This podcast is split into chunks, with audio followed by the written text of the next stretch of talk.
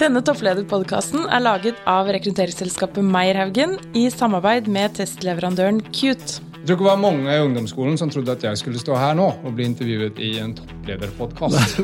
Hvorfor ikke det, da? Nei, fordi at jeg var akkurat da var jeg stort sett bare interessert av å spille hockey og jage damer. Ja, ja. Eh, og ikke så veldig interessert i skolen. Jeg gikk ikke på universitetet. Så det er en shout-out til alle de der ute som lytter som er opptatt av hockey og damer. Det er håp! Ja, ja, ja absolutt. absolutt. Det er alltid, alltid håp.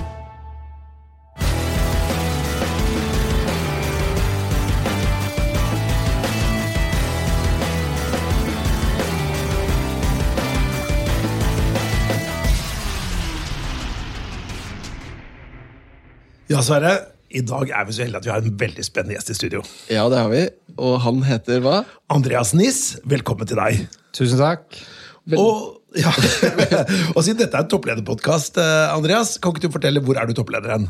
Jeg er toppleder i et selskap som heter Elektroimportøren. Elektroimportøren. Og hva gjør dere for noe? Vi selger noe så enkelt som elektroinstallasjonsmateriell og varme og belysning til eh, til elektroinstallatører, men også til privatfolk og folk flest. Ja, Så i mange hjem har man produkter fra dere, og kanskje ikke vet det? Det er helt sikkert. Ja. ja. Og så er det også en del andre ting som er spennende med deg. for Du har jo tidligere vært eh, le eller, eh, leder for Elkjøp Norge. Ja, det stemmer. Og så har dere akkurat hatt en børsintroduksjon i desember. Yes. Så det er ganske mye spennende vi skal gjennom i dag. Ja. Så Sverre, eh, vi har jo da dette med passion. Ja, vi, vi, pleier å spørre deg, Andreas, eh, litt sånn for å få et bilde av hvem du er som person utover jobb og rollen du har. Hvis jeg hadde møtt deg på en fest eller en sosial setting, en middag, og så hadde jeg blitt sittende ved siden av deg, så hadde jeg begynt å snakke om et eller annet. Det kunne vært hva som helst. Hva slags tema skulle jeg brukt for å virkelig få vann på mølla hos deg? Ja, Det er to temaer tror jeg, som virkelig får vann på mølla hos meg. Det ene er uh, offpist-skikjøring. Jeg er ekstremt glad i å stå på ski, eh, og gjerne da utenfor pisten. Ja. Eh, og gå litt rando, sånn som har blitt så populært, men jeg, det, jeg har vært der siden jeg var 16 år. Så det, eller uh, raske ting. Biler og motorsykler. Det, det syns jeg er gøy. Raske ting, ja. ja Da får vi mye å snakke om. Da. Kjører du motorsykkel selv? Ja er dette, nå, nå, nå, ble jeg veldig personlig veldig fort, men det er sånn 40-årsovergang, uh, eller har du gjort det lenger? Nei, jeg, jeg kjørte motocross da jeg var i tenåra, uh, og så kjøpte min første motorsykkel da jeg var 22. Ja. Så solgte jeg den da jeg flytta til Norge, og så kjøpte jeg den her før. Det var vel 40-årskrisa, da, men da jeg kjøpte den da jeg ble 40. Jeg kjøpte motorsykkel igjen, da. Ja. For du, for du, bryter jo på en, en svensk aksent her, Andreas. Det er lov å si? Det, ja, det jeg håper det. Hvor er det du kommer fra i Sverige, da? Jeg kommer fra et sted som heter Åkersberga. Det er en eh, by eh, tre mil nord for Stockholm. da. Ja, så jeg pleier å si jeg kommer fra Stockholm. Ja, det ja. Så vi pratet jo litt før sendingen at vi kanskje skulle komme inn på temaet sånn kulturforskjeller i toppledelse i Norge. altså en VD versus eh, en administrerende direktør. og Kanskje vi kommer inn på det i løpet av sendingen? Ja, det kan være det. Men det vi i hvert fall kommer igjennom på sendingen, det er disse tre kjappe svarene. Yes, så vi skal stille deg tre kjappe spørsmål på slutten av sendinga. Du, du, får de nå, introdusert, okay. men du får ikke svare på de helt ennå. Og det første det er ditt beste tips for work-life balance. For det er jo ofte mye å gjøre. Hva, hvordan håndterer du det? Eller tips som andre kan ta med seg? Og det neste er om du har noen tanker om hva er ditt beste tips for selvledelse? Hvordan man kan styre seg selv. da. Og det er jo kanskje ekstra viktig i disse koronadager hvor man sitter hjemme på hjemmekontor f.eks. Og så har vi et tredje spørsmål, og det er sendt videre fra en forrige gjest i, i Topplederpodkasten. Og det var Øystein Olsen, sentralbanksjefen. Det han gjerne vil høre deg reflektere over, det er hva tenker du rundt situasjonen? Nå har det vært korona, alle har vært på hjemmekontor, dette går over, og så skal vi tilbake til normalen. Hvordan tar du dette tilbake igjen? Kommer folk til å være mer fleksible? Blir det tilbake til sånn som det var? Høre deg reflektere over det. Mm, ok. Ja, og dere som lytter, det kan jo også tenke hva hadde vi svart hvis vi var i Andreas Niss sine sko? Men uh, vi har lyst til å bare bli litt uh, mer belært om dette med elektroimportøren. Kan ikke du bare dra oss litt gjennom hva slags organisasjon er det? Hva er visjonen deres? Hva er det dere skal få til? Og hvor store er dere? Og litt mer kjøtt på beina her. Ja. Veldig kjapt litt historikk. Det er et gründerselskap som ble gründet i 1994. Eh, og, drev, eh, og kom seg på nett allerede i 1998 så hadde man egentlig postordre og et lite utsalgssted, og så kom man seg på nett. Um, etter hvert så åpnet man én butikk, eh, et litt større varehus, på, på Alnabru. Og drev den butikken og utvikla netthandelen på en veldig god måte fram til da 2014, da eh, gründeren bestemte seg for å selge selskapet til eh, private equity. Og i dette tilfellet så ble det Hercules Kapital. Så Hercules kjøpte selskapet 2014. Da kom jeg også inn. Eh, og, og, de hadde jo da satt en ganske tydelig plan for hva de ønsket å gjøre med selskapet. Og det var det man så på Alnabru, trodde man at man kunne konseptualisere, profesjonalisere og kommersialisere. Uh, og, og, for min del så fikk jeg vel mer eller mindre en plan i hånda da, som sa at ok, dere skal bygge ti butikker i løpet av fire år, og dere skal vokse på uh, så her mye på netthandelen, og dere skal utvikle et eget varemerke osv. Så, videre. så fikk noen parametere som på en måte, dette skal dere levere. Go. Uh, og, og, det vi har gjort, da, og det som er litt annerledes med Elektroimportøren i forhold til konkurrentene, framfor alt i grossistleddet, er at vi har åpnet opp det skal sies, Den type produkter vi selger Tidligere så kjøpte stort sett folk det gjennom en elektriker. Ja. Og det Vi har gjort er at vi har tilgjengeliggjort et veldig bredt sortiment av produkter som uh, tidligere da man kun fikk gjennom elektrikeren, men nå kan du kjøpe det hos oss som privatperson. Til som regel en, en veldig hyggelig pris. da. Mm. Uh, og da i 2014 så var vel selskapet ca. 150 millioner i omsetning. vi hadde ett varehus. Og i fjor så endte vi på litt over 1,3 milliarder i omsetning. Vi har 23 varehus. Eh, og har blitt en, eh, en, en ganske sterk aktør da, innenfor det markedet som vi nå eh, opererer i. Du har vært på en reise, du?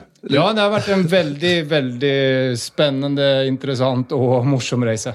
Men var det sånn at du var jo da leder i, i Elkjøp, og så plutselig får du da en telefon, da? At kanskje fra Hercules du, vi vil gjerne ha deg. Uh, og så kommer de da med noen sånne ganske uh, friske KPI-er. Hadde du noe å si, altså, Kunne du være med på å bestemme de KPI-ene, eller var det bare sånn her er beslutningsgrunnlaget, fiks det, og så får du den lønnen og noen eierandeler, og så løp på det? Eller var du med i dialog eh, når det gjaldt?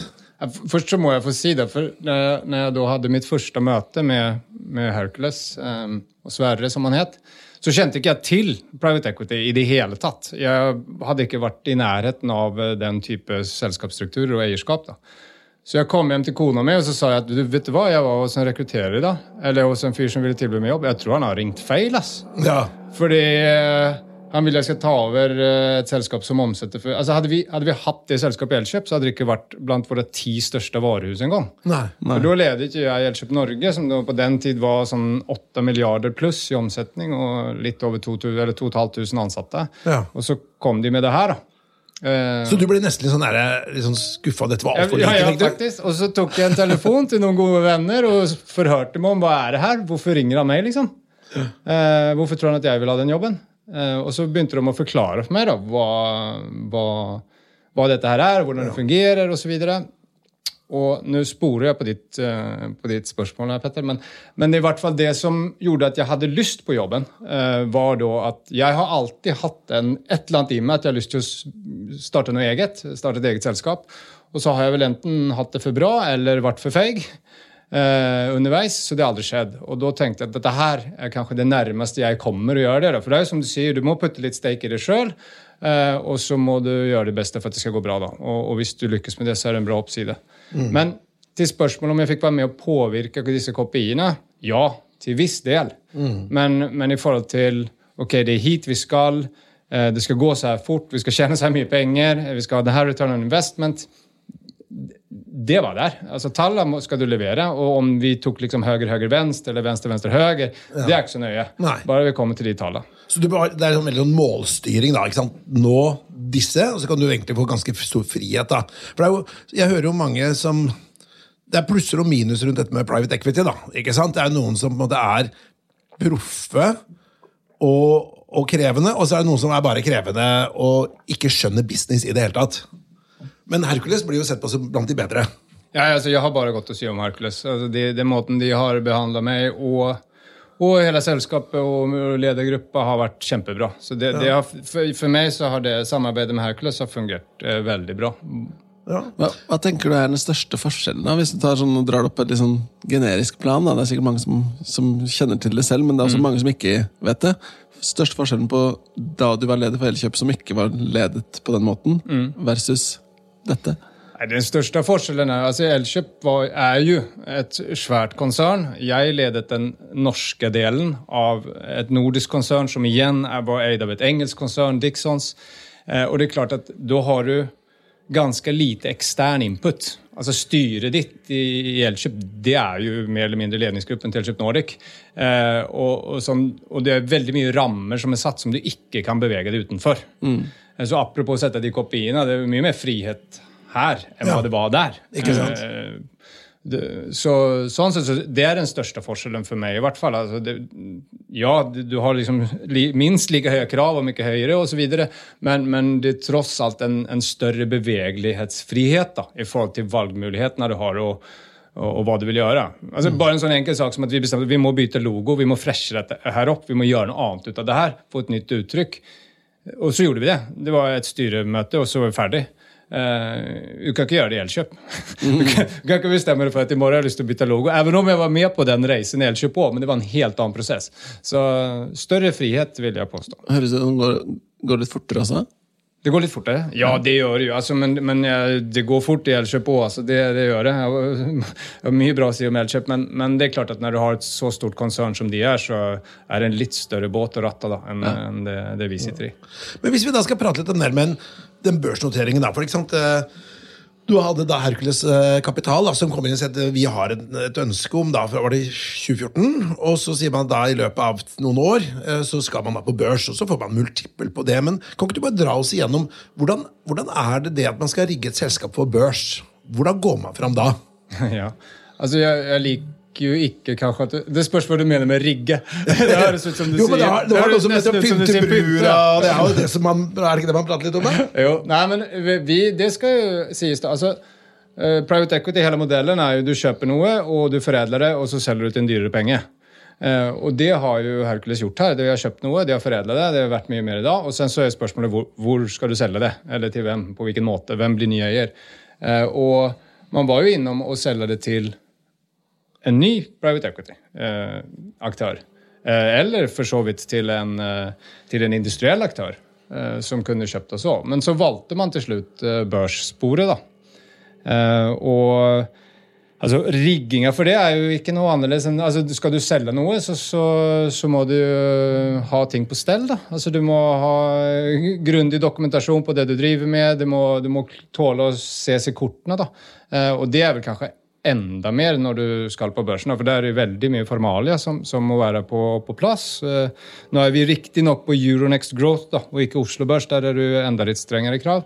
Eh, men eh, jeg vil jo si at selve prosessen sånn fra vi tok valget, mm. at nå, nå, går vi for en børsnotering, så var det så var vi så godt rigga, som du sier, at mm. det var ikke noen stor utfordring. Og så hadde vi jo et koppel med flinke folk rundt oss som, som hjelpte oss til å fylle ut riktig formular og sende riktig søknad og snakke med riktig folk. Ja. Eh, så, sånn sett så, så, var den reisen ganske grei. Det som var mye for, i, for min del og for CFO-en min spesielt, det var jo en utrolig mange samtaler med investerere mm. for, å, for, å, skape et interesse for selskapet ja. i IPO-en. Men hvis du da tenker at sånn børsnotering, at man gjør det for å få penger altså, i, men og da klart at de som sitter på eierandeler, da, det kan være en hyggelig reise. da, mm. I forhold til at man får en multiple på det. Men er, er, var hovedmotivasjonen at investorene skulle bli rikere, eller er det at man skal bruke pengene til å ta noen steg videre? eller hva er liksom sånn, for det, Kan du si ja, noen visjon her? Altså, vi, vi, vi selv, Som selskap så fikk ikke vi noe penger i forbindelse med børsnoteringen. Utan, eh, som sagt, Dette var jo veien som egentlig Hercules har valgt å selge seg ut av selskapet på. da. De eide jo någonstans rundt 90% av elektroimportøren. Og eh, det er jo ligger i kortene at de da, når vi går på børs, de, de er private equity-selskap. De driver ikke børsnoterte selskaper. Mm. Så de etter hvert skal selges ut. Da. Så, det, så, så det var jo Hva skal vi si, da? Ja, vår hovedeiers sin uh, primærgrunn til å gjøre dette. her. Så, så, vi har ikke fått inn noe fersk, frisk kapital på noen som helst måte. utan Vi har jo en, en sunn drift og bra med kontanter og egentlig de musklene vi trenger da, i dag for å og gjøre det vi har tenkt. Men det er jo sånn at når du er på børs, er det jo enklere å få tilgang kanskje til den kapitalen hvis vi skulle ønske å gjøre noen større skritt da, som trenger, der vi trenger mer kapital enn hva vi har tilgang til i dag. Mm. Ja. Mm. Hvordan har børsutviklingen vært siden noteringen? Jo, den har vært bra. Den, vi hadde jo en IPO på 48,75, da. Ja. Og nå er det vel verdt rundt 77 kroner. Så. Ja, yes. Det er jo kjempebra, da. 50% cirka. Ja. Så, så, kursen har vært bra, men hvordan har jobben vært, da? Hva har endret seg? Nei, Jobben har vært bra, den òg, absolutt. Men det er jo det er litt annerledes hverdag. da, Særlig i starten. og nå har Vi vi la jo frem, vi har hatt, har hatt én eh, kvartalsrapportering som vi hadde her i, i februar. Um, og Nei, den store forskjellen er at den største forskjellen er at vi kan ikke dele like mye informasjon internt. Vi har vært veldig åpne med altså at alle i varehusene vet hvordan det går for selskapet hele tiden. Alle varehus kunne tidligere gå inn og få live-oppdatering på hvordan gjør mitt varehus det mot alle andre varehus på dashboard. Eh, og vi, ja, Månedlig så gikk jeg gjennom resultatet med, med alle i selskapet osv. Og, så og det kan jeg ikke gjøre lenger. Eh, og det er, Jeg tror kanskje ikke det har så mye å bety, men det, det har på en måte vært en del av vår Kultur? Kultur, da. Ja. Og, og det, det, kan vi ikke lenger. Eh, så, og det er jo litt synd, syns jeg. Um, ellers for personlig så er det jo ja, det, blir, det er jo interesse fra investorer. da. Uh, man må bruke litt mer av tida si på å snakke om selskapet uh, ja. istedenfor å snakke om med, med medarbeiderne. Um, men jeg syns at uh, i det store og hele så har det gått veldig greit. Altså. Ja. Men hvis man da ser på uh, retail, da. Det er jo mye man sier at man skal ikke gå mye rundt i både store og små byer i Norge for å si at det står mye tomme butikklokaler eh, ledig. Eh, men hva, hva vil du si er framtida for retail nå? For dere er jo i retail-bransjen eh, virkelig? Ja, vi er jo en slags hybrid da, av en grossist og en retailer, men vi er jo absolutt en del av retail-markedet. Ja, det er mange som har hatt det tøft de siste åra, men de de aller fleste er jo fortsatt, og jeg tror at de aller fleste vil fortsette å være her framover. Jeg, jeg, tror veldig på at kombinasjonen med å ha effektive, gode eh, utsalgssteder eh, kombinert med en netthandelsløsning som fungerer sammen mm. Omnichannel kaller mange det, eller hva, det finnes ja, det finns mange ord på det sikkert, men, men at kund, eh, kundresan skal være det blir floskelmaraton här, men alltså sömlöst. da. Ja. Eh, så, alltså, och jag, jag menar inte floskel, jag, jag, tror att folk förväntar det. Alltså, hvis jag, något banalt som hvis jag köper något i butikken, så kan jag, så, eller hvis jag köper något på nett så kan jag hämta det i butikken. Hvis jag köper något på nett så kan jag returnera det i butikken. Vi har till exempel, hvis du är i butikken och vi är tom, då sänder vi det från nettbutikken så har du det på dörren imorgon gratis. Eh, alltså den typen av lösningar, nu när vi måste stänga ner, ja då ordnar vi fri budbil. Du får levererat hem gratis fra butikken i løpet av fire timer. Eh, den type ting tror jeg vi må fortsette med. Og, og skal du konkurrere med disse beste eh, netthandelsaktørene og de største og sterkeste, alle Amazon og co., så, så, tror jeg spesielt i Norge, da, som er et så lite land som stort sett er fylt av fjorder og fjell eh, Det er helt umulig infrastruktur i landet i forhold til å frakte varer billig. Så tror jeg at vi som allerede er her og har utsalgssteder mange steder, har en utrolig fordel da, i å fortsette å, å skape fornøyde kunder i forhold til de store nettgigantene, som selvfølgelig vil ta sin del. Men hvis du er veldig god lokalt, og du klarer å ha et godt samspill med netthandelen og det, dine lokale utsalgssteder eller butikkene, da, tror jeg at du har en god framtid også. Men du kan ikke gjøre som du gjorde før. Altså, det mener jeg det mener jeg de som jeg skal ikke dra alle over en kam, men mange av de som har måttet lukke dørene, det er fordi at de ikke har forandret seg. Altså, mm. Verden mm. forandrer seg. Da må du også gjøre det. Like it or not. Eh, og, og, hvis du ikke er med på det, hvis du ikke har koll på kostnadene dine, hvis du ikke har koll på netthandelen din, at den spiller med butikken din, då, nei, da har du noe her å gjøre. Men sånn er det jo i alle bransjer. Hvis du mm. ikke henger med, så Mm. Men Hvordan er fordelingen mellom nett og butikk for dere? Er det lov å si noe om det? Ja, vi har ca. 20% av omsetningen vår er på nett. Ja, Og det vil sannsynligvis øke, da? eller?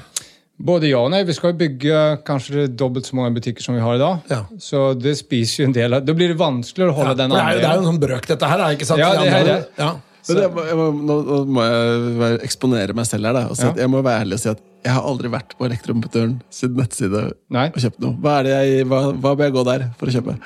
Nei, altså Som privatperson så selger vi selger jo altså, vi selger jo veldig mye som, som er sånn smarthuskomponenter. Og kanskje ja. noe av det vanligste vi selger til privatpersoner, er Philips Hue sine lyspærer som, og ja. andre typer da, lysstyring som du kan selge. Men så Panelovner eh, ja.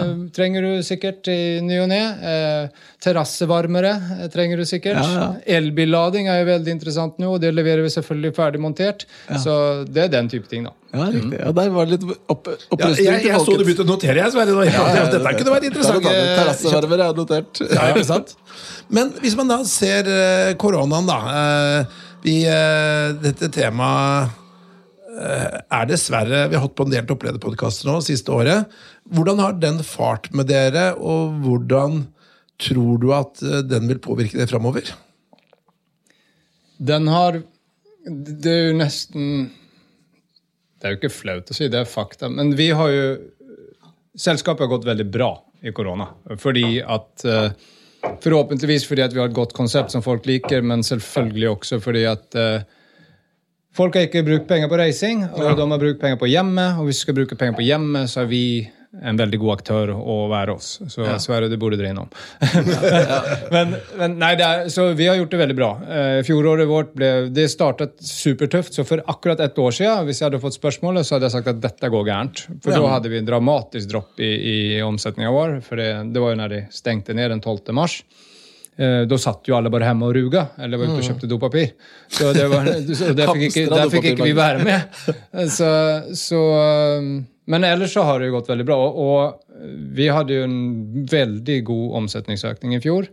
Eh, og ja, butikkene rundt omkring har levert helt fantastisk i forhold til ja, smittevern og den delen. Altså, vi har jo ca. 300 ansatte som går på jobb hver dag i de fysiske butikkene.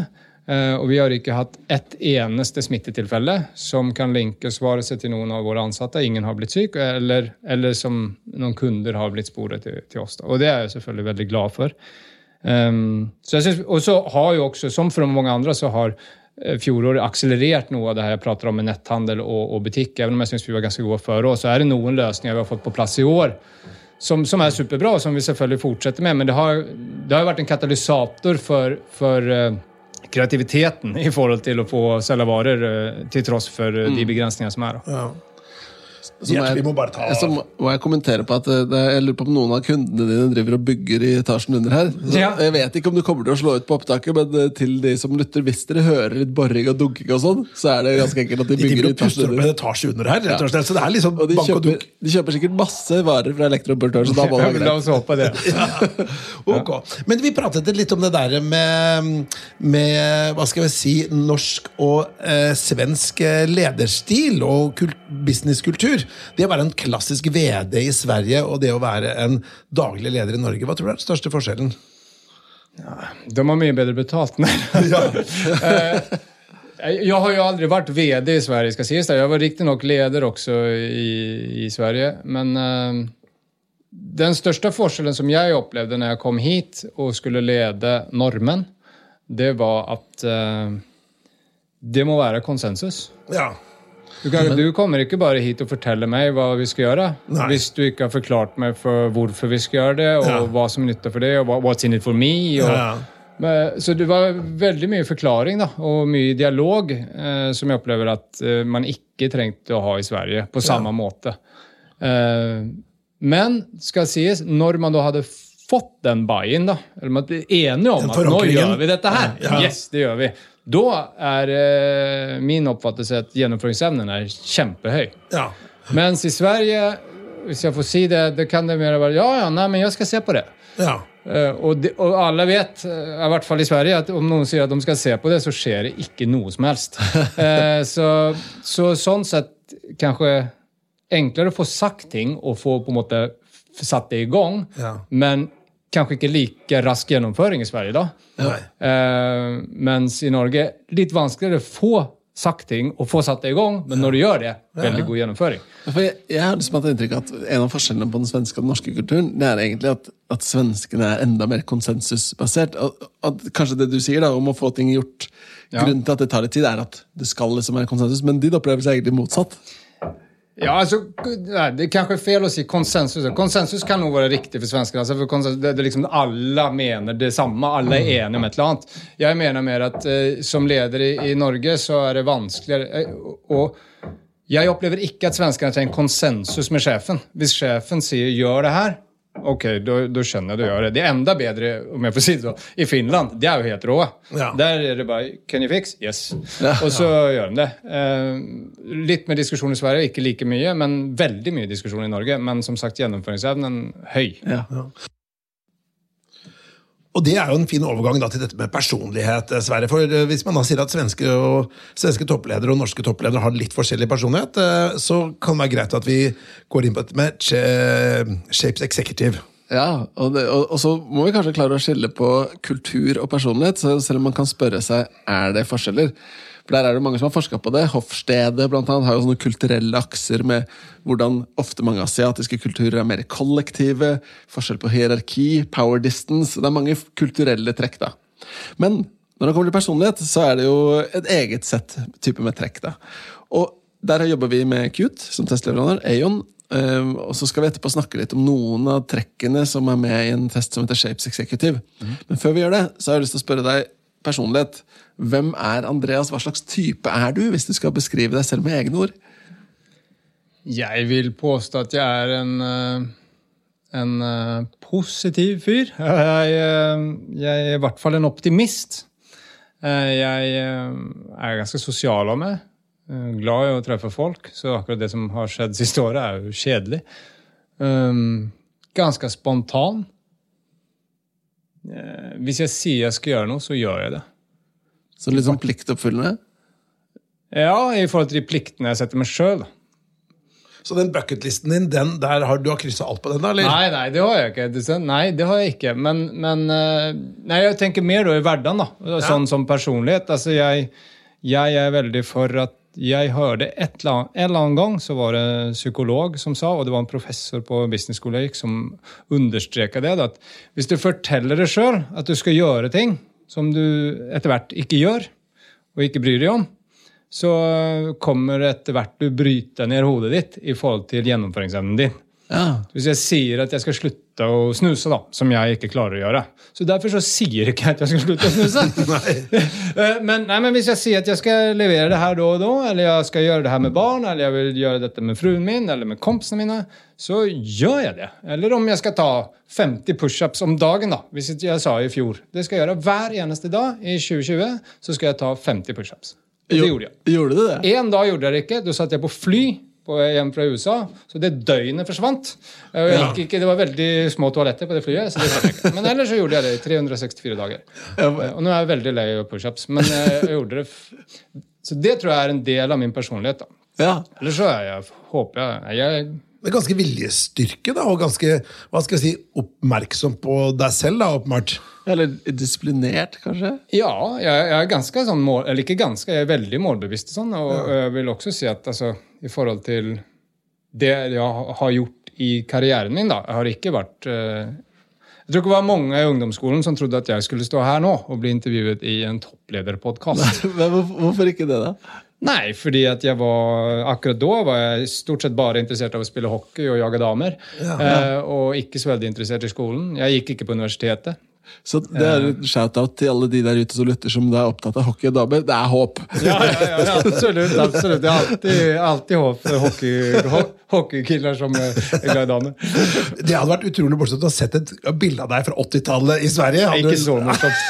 Hadde langt, krøllete hår. Det er det vi skulle hatt på introen til denne podkasten. Ja. ja, men, men det var leit. Så eh, det, det, er en disiplin der, i hvert fall, høres det ut som. Mm. Og så snakker Du om, sant, du har også lært deg litt sånn, noen ting er ikke noe vits å si til seg selv, fordi det skjer ikke sånn som å slutte å snuse. Men går du rundt med å kjenne på at jeg burde? Burde slutte å snuse, eller burde sove mer, eller burde Nei, men, nei, nei, det gjør jeg ikke. Utan da bestemmer jeg meg. Har du ja. tenkt å gjøre noe med det her? Ja. Eller har du ikke tenkt å gjøre noe med det her?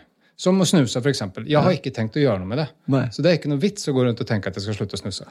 Sove? Ja, det har jeg tenkt å gjøre noe med. Eh, eller tenkte jeg før, da. Nå har jeg gjort noe med det. Ja. Uh, og så har jeg, du skal sove mer, da? Eller er det mindre? Eller? sove mindre. mindre ble det faktisk. Ja. Fordi jeg hadde vanskelig for å sove, så testet jeg ut litt metoder. da. Ja. Uh, så det endte opp med at hvis jeg er våken lenger, så er jeg mye, mye trøttere. når jeg ja. legger meg, da sovner jeg. den, var, den så jeg ikke komme opp. Så du så, legger deg senere, da? jeg legger meg senere og ligger mindre tid i sengen, men sover bedre og våkner ja. Når tid legger du deg da, da? Er det å spørre om? Eh, I tolvtida. Ja, og så står du opp seks? Ja, halv sju. Ja. Er du A-menneske eller B-menneske? Jeg er noe mer, mer et A-menneske. Ja, ja. Ja, det ser du. Men dette var, dette var, her syns jeg det var mange interessante ting på veldig kort tid. For det, det, det tipset her nå er altså hvis du har problemer med å sove nok, sov litt mindre, så ja, sover du bedre. Ja. Veldig bra. Du, jeg har lyst til å teste da, noen egenskaper på deg. Og mm. du har egentlig avslørt noen av de allerede. så det blir litt sånn gjentagende av ting du har sagt. Men her er det altså åtte trekk som, eh, som eh, psykologene hos Aon mener kanskje laster inn på toppledelse. Så skal vi se hva du tenker, om du kjenner igjen dette ved deg selv. Mm. Vil du si at du er overbevisende? Mm, ja. Vil du si at du er hensynsfull? Ja. Resultatfokusert? Ja. Besluttsom? Ja. Teoretisk? Nå, ganske. Nå, så der.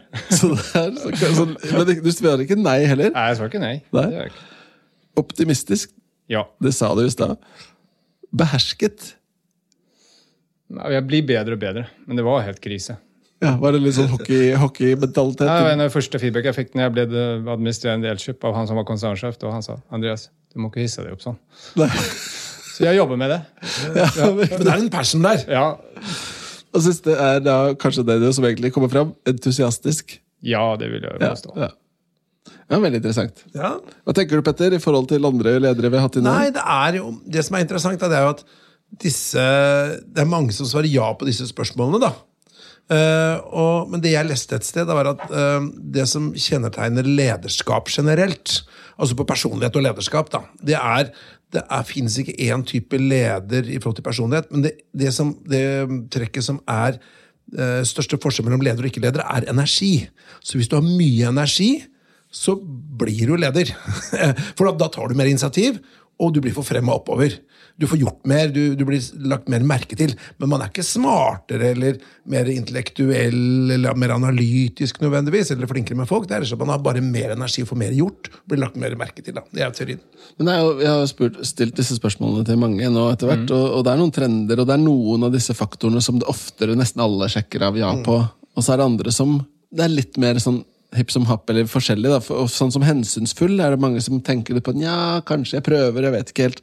Den er litt vrien. Og sammen med behersket, som du selv sa. Der er det også vært litt varierende. da. Men mange sier optimistisk. Mange, ja, mange sier optimistisk. Og så er det den som er litt uklar, den er teoretisk. Men det er fordi ja. den, er også litt tolk, den kan tolkes som mange forskjellige ting. da. Mm. Ja, så er det jo mange som har tatt høyere utdanning som, eller altså, mange som er toppledere, har jo tatt en høyere utdanning og måtte, liker å lese. da. Kan du si ikke sant, en Økonomi eller engineering eller hva det nå skal være. da. Mm. Men hvis du ser tilbake, da.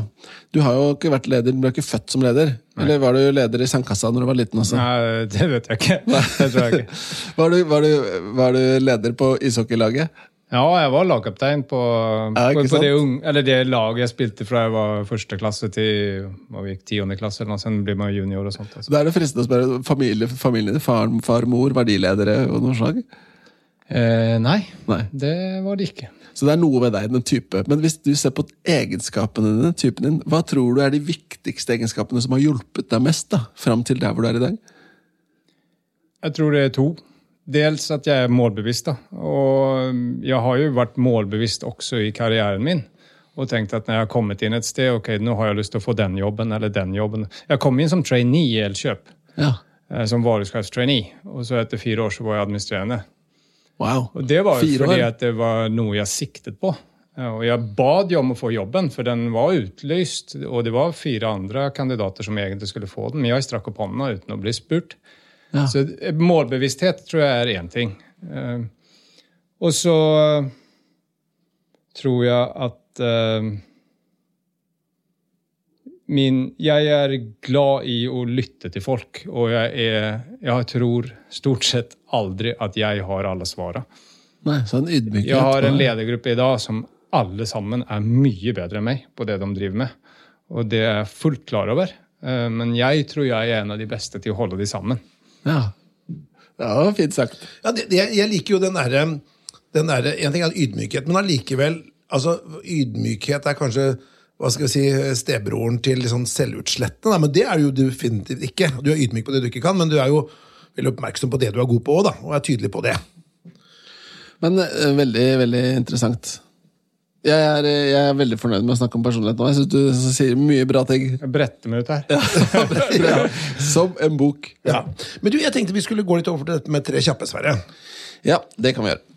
Og da har vi jo varslet de på forhånd. Eh, og nå har vi jo snakket mye om eh, mange ting, men eh, hvis vi går på de første av disse spørsmålene Work-life balance. Det er jo krevende å være leder for en stor organisasjon. Hva er ditt beste tips for å klare å balansere jobb mot privatliv? Mitt beste tips er å stole på folka rundt deg og delegere. Og ja. la de gjøre den jobben.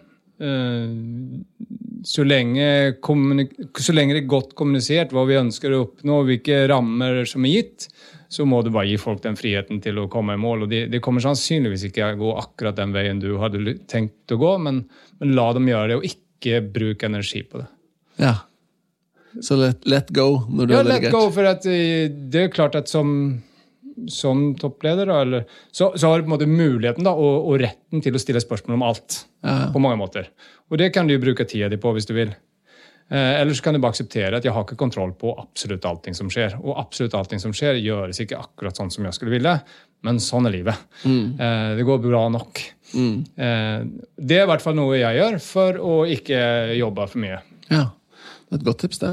Ja, absolutt. Eh, og jeg tenker sånn at Alle som har vært ledere, de tenker at hvert fall i noen bransjer så kan du i hvert fall ikke, kanskje ikke ha ledergruppen din, men de som er underordnede. Altså, du var kanskje en bedre eh, hvis du var på, når du var på Elkjøp, da, du var kanskje bedre på å presentere eller noe, bedre å selge. Du, var, du, hadde jo gått gradene der, da, så du var bedre enn nesten ganske stor prosentandel, men det må du bare se gjennom. Det, du kan ikke være overalt hele tiden. da. Bra. Hva er du, hvordan er du på det, Petter? Delegere? Ja. Uh, jo, jeg føler jeg er ganske god til å delegere. Og let go. Selv om du kan av og til sitte og tenke at ja, det ville jeg gjort annerledes. Men annerledes er ikke nødvendigvis bedre, tenker jeg da. Så lenge de kommer i mål, så er det greit. Mm. Uh, men så er det jo også litt din jobb som leder å, å, å lære opp, da, og, og, at det skal være den kvaliteten du ønsker. For det er jo et tveget sverd, dette her. Lar du alt humla suse, så, så går det ikke. Men det, jeg, det, skjønner, det var ikke det du tenkte på, da. Men det er jo tvegesverd. Hvor mye skal du gå inn i ting, og hvor mye skal du stole på andre? da? Og løsningen der er jo åpenbart det er jo god rekruttering. Det er det som er. Ansett de riktige folka! Det er stikkordet. Ja, da er, er du safe. Og det veldig bra. Og nå har vi jo, Det var jo litt morsomt at vi skulle komme inn på det der eh, prosjektet ditt. Jeg synes jo Det er imponerende med 50 pushups eh, hver dag eh, i fjor. Vi, vi, vi valgte et sånn tre kjappe som handlet om selvledelse før vi fikk høre det her, men dette må jo være et kjempeeksempel på personen som har god selvledelse. spør du meg. Hva er ditt beste tips for selvledelse? da? For å styre seg selv og organisere egen hverdag? Jeg er veldig basic der. Jeg, jeg har fortsatt en papir, eller en bok, notatbok, der jeg lager to do-lister på ting jeg må gjøre. Bruker selvfølgelig også kalender og sånn. Men, men, eh, og jeg får en, eh, en tilfredsstillelse av å stryke ut ting på den boken. Og jeg setter ikke opp ting i den boken som jeg ikke har tenkt å gjøre. Ja, Litt samme som det snusprosjektet. Ja, men ikke sant? Eh, og, og, i hvert fall så for meg for, altså man, Det er veldig mange som har utrolig mye å gjøre. Mange som blir utbrent osv. Og, så og det tror jeg handler om at man ikke har helt kontroll, eh, og at man ikke føler at man helt er herre over, over sitt eget liv. da. Eh, mm. Og det er rett og slett for mye. Og det, det, jeg tror det er å ta kontroll på oppgavene som må gjøres, og da må du jo delegere ut. da. Og det her skal jeg ikke gjøre. Det her skal, det her skal jeg gjøre. Og, og du gjør det. Eh, for at eh, det er en sånn tilfredsstillelse i å få gjort ting. Det vet vi alle. Eh, bare få huka av at jeg svarte på de ti mailene, eller jeg, jeg fikk lagd ferdig den presentasjonen, eller jeg ringte til den leverandøren og stilte det spørsmålet, hva det måtte være. Ja, ja. Jeg kjenner meg veldig igjen i det selv. Det var, det var jo et tips fra uh, Stein Westenberg, da, som du også kjenner, som er, på en måte en konsulent som jobber mye med selvledelse. og Han sa det at nettopp for å kunne lage den to do-listen, så må du passe på at punktene er små nok. For Hvis du sier ok, lag en markedsstrategi eller øk salget med 10 og sånn, og det, ja, Du kan ikke bare huke av den. Det er kanskje 100 underpunkter under det. ikke sant? Men da må du på en måte, Det er sånn som Hvordan spiser man en elefant? Jo, det er en bit av gangen. Uh, og det er vel også, det du få de sånne små biter at du kan få det unna. Mm. Veldig bra. Tredje spørsmålet, Andreas, det er sendt videre fra sentralbanksjefen Øystein Olsen. Eh, han eh, ønsker å høre deg tenke litt over hva gjør du med hjemmekontorsituasjonen? Nå har jo korona gjort at vi har blitt bråmodne digitalt på hjemmekontor. Det er en helt annen fleksibilitet, og mange har sett at det går an å drive et selskap på denne mm. måten. Eh, men hva tenker du når ting normaliserer seg? Hvordan skal du lede opp dette? Kommer ting til å være annerledes? Hva er refleksjonene dine rundt det?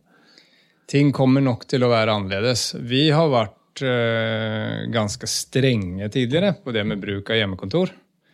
Eh, sikkert pga. noen slags rettferdighetsprinsipp som jeg egentlig ikke klarer å ta inn over. Men at, altså, du har jo noen stillinger som, som, mer eller mindre må være på jobb. Og så har du noen stillinger som, som egentlig kunne sittet hva som helst i verden og fått gjort jobben sin. Men jeg, jeg har fortsatt veldig stor tro på Det er jo som sagt litt sosial, da. Men jeg har tro på at når vi samles som et lag eller selskap da, som har liksom et felles mål, så er det fint å treffes fysisk. Eh, vi hadde liksom ok, du skal være på kontoret 8 4. Ferdig med det. Eller så skal det på en måte klargjøres med nærmeste leder hvorfor du ikke er der. Det kommer sikkert endres litt, eh, og at det blir mer oppgavebasert. altså Så lenge du får løst dette her, så har vi ikke så ikke så stor rolle om hvor du er, men, men, jeg tror fortsatt på å ha noen slags kjernetid da, eh, på kontoret. Eh, for jeg er enig, altså veldig mye funker nå. Jeg syns at eh, vi får drevet selskapet veldig godt. Jeg syns at man kanskje seiler litt akterut i forhold til utvikling nå. Altså det, det, å komme videre og, og, fornye seg og være innovativ er vanskeligere når du sitter hjemme ja, på forskjellige steder. Da. Så jeg ønsker folk tilbake. Det var, jo, det var jo litt i de samme linjer Øystein reflekterte, om ikke jeg husker feil. Mm. Ja, det er vel det at man eh, å drifte fra hjemmekontor og Teams går lettere enn å utvikle mm. fra hjemmekontor og Teams. da. Så det er vel en eh, refleksjon flere har gjort. Så svaret er egentlig sannsynligvis så blir det litt mer fleksibelt, men øh, kanskje ikke helt løsslipp? Ja, det er nå svaret. Ja. Bra. Jeg tenkte, hvis det går inn øh, Ja. Hvis vi hvis, Ja, et spørsmål hvis, Ja, det er helt riktig, Sverre. Nå minnet du meg på det.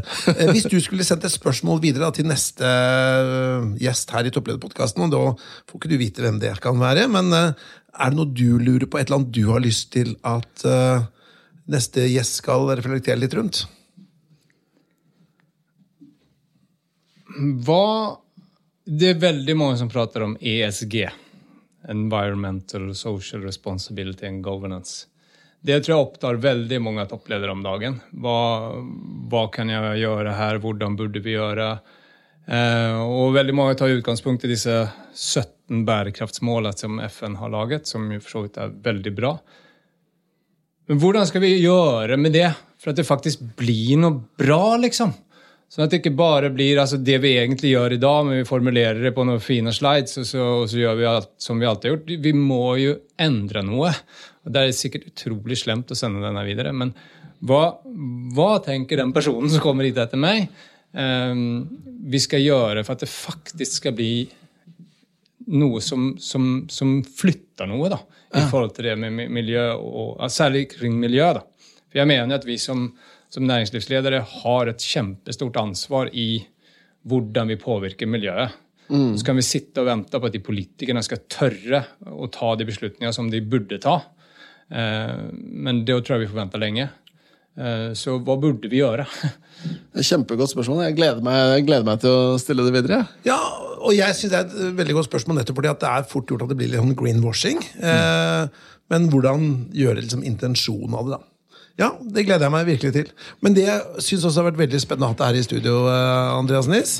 Eh, takk for innsiktsfulle analyser, og tusen takk for at du tok tiden din her. Og lykke til videre i en spennende topplederjobb. Tusen takk skal dere ha. Har du innspill eller kommentarer til denne podkasten, kan du sende en e-post til toppleder at meierhaugen.no.